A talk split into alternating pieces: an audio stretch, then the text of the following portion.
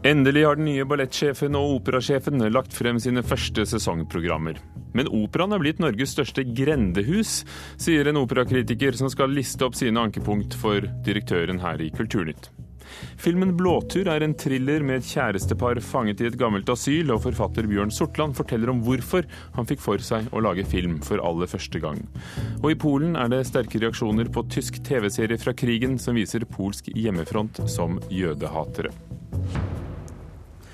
Noe gammelt, noe nytt, noe lånt og noe blått og vått. Det Norske Opera Ballett presenterte i dag sesongprogrammet for 2013 og 2014.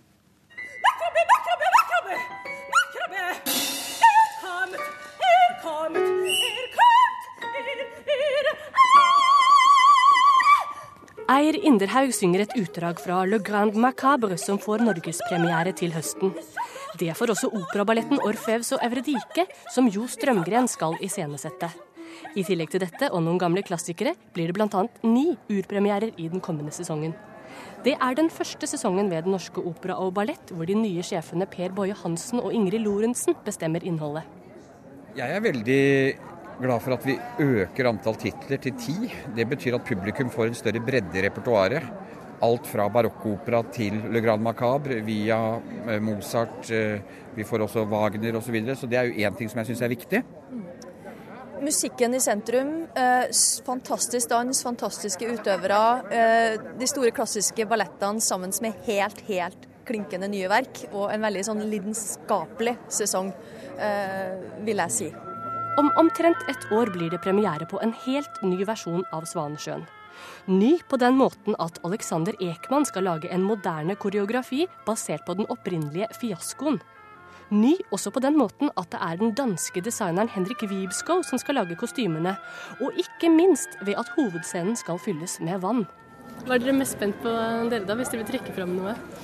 Er, det er selvfølgelig det som ikke fins, det som ikke er laga. Én ting er å ta og framføre erklærte mesterverk som er skapt for andre kompani andre steder i verden, men når vi skal lage helt nye ting Det er klart å åpne med fem uframførelser på en kveld, den er jeg ganske spent på, naturlig nok. Som hvor både Ildfuglen og Petrusjka skal gjenskapes helt på nytt. I tillegg til Alexander Ekmans uh, nye Swan, A Swan Lake, som man har kalt den, eh, med innsjø på hovedscenen. Den har jeg også all grunn til å være spent på. Og jeg er jo veldig spent på det store fellesprosjektet vårt, Orfeus Øvre Rike. Første gang Nasjonaloperaen og Nasjonalballetten går sammen om en oppsetning. Eh, da inviterer vi jo både operapublikummet til å like ballett, og ballettpublikummet til å like opera. Eh, det er et eksperiment, men jeg har stor tro på at det kommer til å bli vellykket. Ja, det er jeg spent på på en veldig positiv, veldig sånn god måte. Det har jeg skikkelig trua på. Vi er i den luftige foajeen i Operaen i Bjørvika. Pensjonist Sigurd Moe Hetland er godt kjent her. Han ser nesten alt som settes opp, og var veldig spent foran dagens lansering. Jeg må si at det er en, en fin blanding av eh, klassiske ting og moderne ting. Jeg er mest spent på eh, Dans macabre. Hvorfor det? Fordi det er noe veldig nytt. Den har aldri vært spilt før, og den er, den er veldig krevende. Og er veldig spent på hvordan publikum vil ta den. Eh, jeg håper at vi har et såpass modent publikum i dag at de aksepterer såpass moderne ting som den. Men du er klar? Men jeg er klar. Her er også Stålevik Saaland, musikkprofessor og kritiker. Han ser med glede at man hever produksjonsnivået og satser tyngre på egne forestillinger i den kommende sesongen. Første reaksjon er at uh, dette åpenbart er et løft for huset. Uh, og at uh, makerskapet mellom Ingrid og, og Per Boje er åpenbart noe som trekker i en ny retning og en mer ambisiøs retning kunstnerisk. Det syns jeg ser veldig lovende ut, og det gleder meg veldig til å se. Og den gleden var fra Ståle Vix Haaland, som er kritiker i Dagbladet etter at Operaen og Nasjonalballetten slapp programmet i dag. En annen som skriver opera, er eh, komiker Knut Nærum, kjent fra Nytt på nytt-programmet. Han eh, skriver skal vi kalle det librettoen til forestillingen 'Hege og Øyvind går til operaen'. Det er da eh, Øyvind Blunk og Hege Skøyen det er snakk om, som har premiere om ett år. Og vår reporter Ina Strøm møtte også ham. Vi kjenner deg jo først og fremst som moromann i Nytt på Nytt. Hva kan vi forvente oss når Knut Nærum skal skrive opera? Det blir moro. Og så blir det opera. For, for, det første er det ikke en opera, det er jo, det er jo et show. Men basert på, på opera, på perler fra operalitteraturen. Eh, det kommer til å handle om, eh, om musikken, kjærlighet til musikken. Det handler om hva slags forhold man har til sin egen stemme. Det, har, kommer til å handle om å, å, tørre å synge ut, og om hvorfor det er så innmari vanskelig å forsøke å synge fint uten å være ironisk. Hva slags forhold har du til det selv? Jeg har jo valgt bort sangen, så i Nytt på Nytt så er det Linn Skåber som står for mesteparten av det. Jeg har stått på en scene og forsøkt å synge eh, mange år siden. Studentrevyer og den slags. Eh, men nå, nå, synger jeg Jeg synger ikke engang i dusjen. Hvordan kommer publikum til å merke at det er Knut Nærum som har skrevet dette her? Det kommer de til å merke ved at de, de ser navnet mitt på plakaten på vei inn. Eh, jeg har jo jeg har tenkt å prøve å putte inn noen vitser her og der. Det er vel egentlig den avtalen jeg har gjort med, med operaen og de medvirkende. Knut Nærum nå som librettist, i forkant av at vi altså har hørt om eh, sesongprogrammet for Den norske opera og ballett. Eh, og oppi eh, alle disse nyhetene så står det en kritikk og kronikk i Aftenposten i dag. Operakritiker og redaktør for nettsiden Kulturkompasset, Henning Høholt, lister opp ni grunner til at operaen er blitt det han kaller Norges største grendehus. Og Henning Høholt, før du utdyper din kritikk, etter å ha hørt på det som presenteres for det neste året, du, er du mildere stemt? Altså, det som vi har hørt i dag, det er akkurat som forventet. Jeg er glad for at det er Per Bøye Hansen som nå har blitt operasjef, og Ingrid Lorentzen ballettsjef. Og de ser ut som de kommer til å gjøre det godt. De kommer til å fylle opp de forventninger som nasjonen har til Den norske opera og ballett. Og Hvorfor mener du at disse forventningene ikke er innfridd hittil, nå fem år etter at det nye operahuset Nei, åpnet? Nei, altså jeg forstår jo at uh, godt at man har hatt vanskeligheter med innkjøring osv. Men det uh, gjør jo ikke at man også kan tillate seg å la være med å spille forestillinger. Jeg har jo full forståelse for at Tom Remlov gjerne vil ha um, Øh, vil have et godt økonomisk resultat ut av det. Men samtidig så skal det ikke laves om til et grendehus, fordi Stortingets intention med å øh, bevilge disse pengene til et hus og 500, 500 millioner hvert år i subsidier, det var at det skal spilles norsk opera og ballett. Altså, Vi skal fremme norsk opera og ballett. Og ved at man tar inn alt mulig med annet, så blir det en blandet landhandel, og dermed fremmer man det ikke. For du er kritisk til at øh, huset leies ut i andre formål, ja. at det er konserter av andre slag? Vel, konserter gjerne når det ligger innenfor denne rammen. Så, så, er det greit, det. Men altså, når det begynner med alle disse andre ting, så føler jeg at der avsporer vi litt debatten. Og det er det.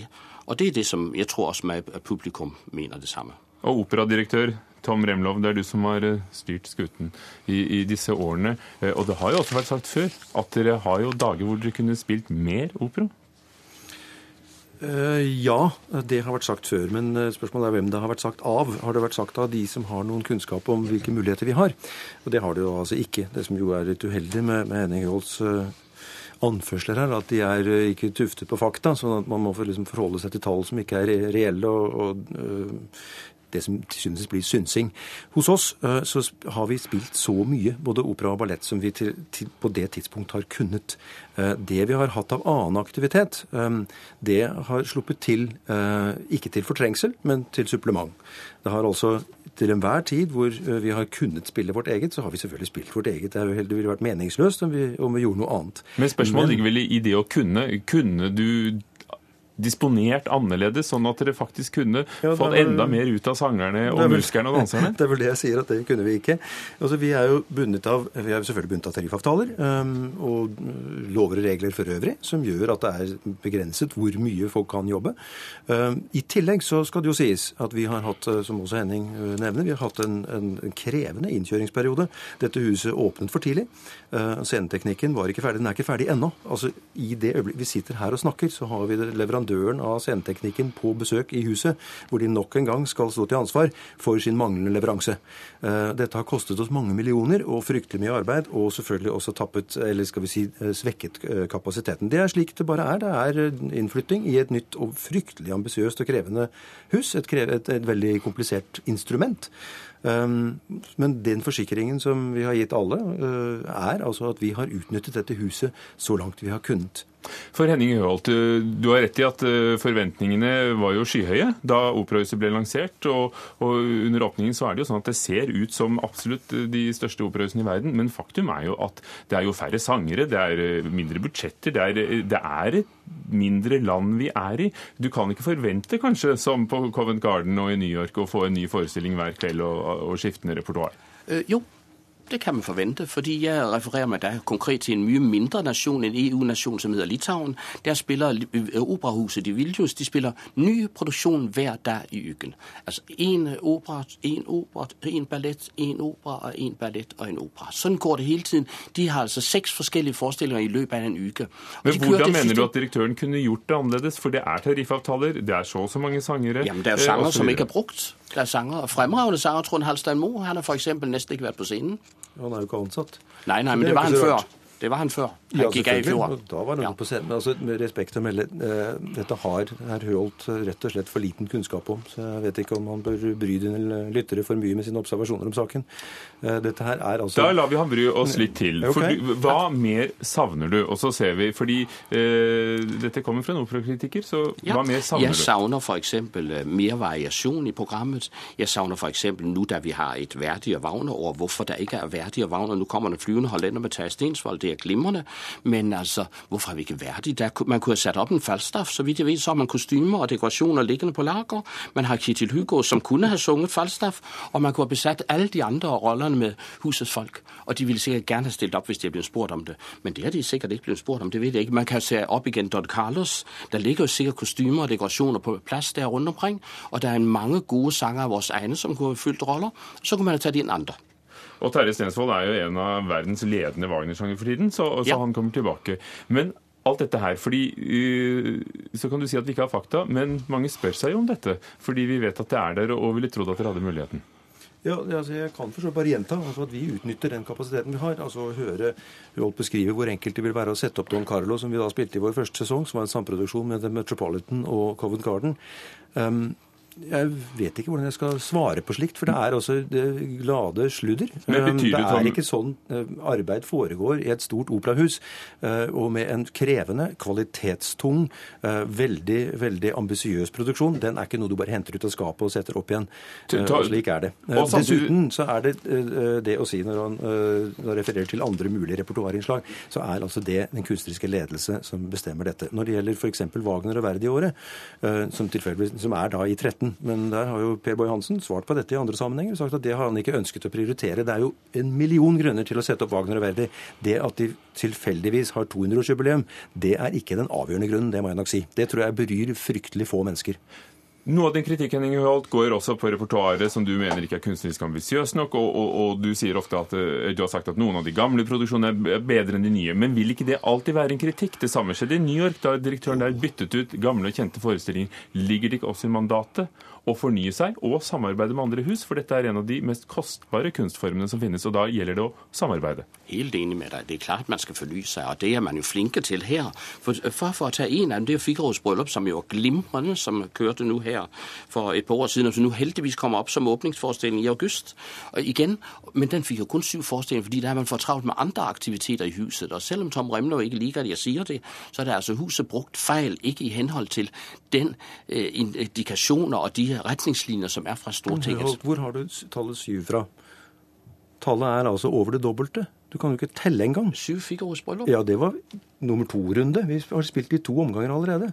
Men uansett Er ikke det leit at du tok sånn feil? Jo, dette er, bare ett eksempel. Dette er bare ett eksempel Nå var du heldig. Nå var du heldig. Nei, overhodet ikke. Da har vi oppklart denne, denne lille tallsaken. Men uh, poenget er at all den stund operaen uh, sier de ikke kan spille mer av forskjellige årsaker, er det ikke da bra at denne salen, som har fått sånt renommé, brukes til andre ting, og skaffer noen sårt tiltrengte kroner også?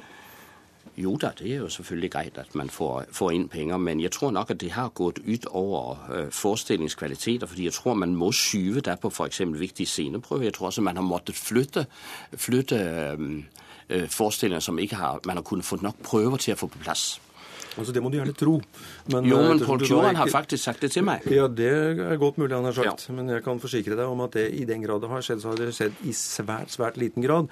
Og uh, vi må selvfølgelig uh, tilpasse hele vår planlegging ut fra en helhet. Uh, en helhetsvurdering. Og del av den helhetsvurderingen er også naturligvis inntekt. Her vil jeg gjerne få lov til å avslutte med et spørsmål ja. til operadirektør Tom Remlov. Mm. Er det sånn at for dette store huset med to scener og, og mange Tre scener. Tre, og vel så det skulle jeg til å si, og mange muligheter. At dere faktisk, nå skal dere si opp 32 årsverk, skal bort. At dere har faktisk for små rammer til å fylle det på den måten du selv kanskje også egentlig gjerne vil. Altså å kjøre forskjellige forestillinger hele tiden, og gjerne flere dere lager selv. Det ville være uriktig å si. Det er en situasjon i Norge i dag som tross alt vi har, vi har en velstand sammenlignet med svært mange andre land. Vi har samtidig mye å ta igjen som kulturnasjon. Vi begynte seint, for å si det på den måten, med våre institusjoner, f.eks. en institusjon som vår. Men eh, jeg vil nok mene på vegne av de kunstarter som jeg er satt til å råde over, eller i hvert fall administrere, så har vi nå fått eh, en tilstrekkelig del av kaka. Eh, vi må greie å øke både kvaliteten og volumet og skal vi si, differensieringen på vårt tilbud innenfor de rammene vi har. Det, eh, den nedbemanningen som vi nå gjør, den er avstedkommet av en helt spesiell årsak, som er økte pensjonskostnader, som hele Kultur-Norge eh, står overfor, og hele Kommune-Norge, eh, og for så vidt store deler av nasjonen står overfor. Vi må ta det sånn som vi evner nå. Så får vi se om et år, når neste sesong er over, om dine disponeringer faller også i denne kritikerens smak. Takk skal dere ha, Tom Remlov, operadirektør, og Henning Høholt, kritiker.